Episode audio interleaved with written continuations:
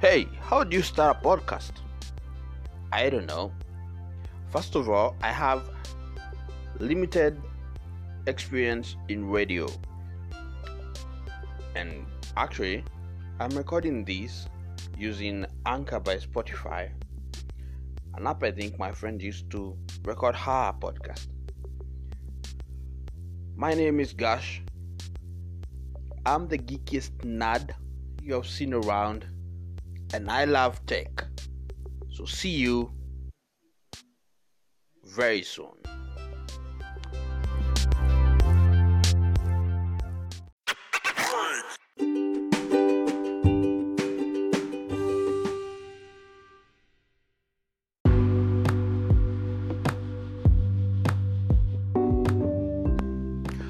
Good morning, the other side of Africa. This is Gash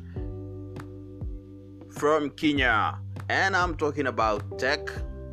And you know, I'm the geekiest nerd. So, what I'm using to do this podcast is called is an app called Anchor by Spotify. Well, I don't know what yet to expect, but I'm going to do a benchmark with several apps and see what they do different from this and how they host differently and how these apps share your podcast with your friends, listeners, and well, if you have a nemesis, which I doubt you do, how it all goes. But first, I just wanted to know how I'd start a podcast. And I don't know if I'd say hello, hi, good morning, good evening, and well, it's, it's a recording, so it's not live. So, man, you just don't know how to start a podcast. I want someone tell me how you should start a podcast. Like, I'm not saying like how you host a podcast, but how how, how do you start talking a podcast? You start by greeting people by introducing yourself by what what what do you do? Hmm?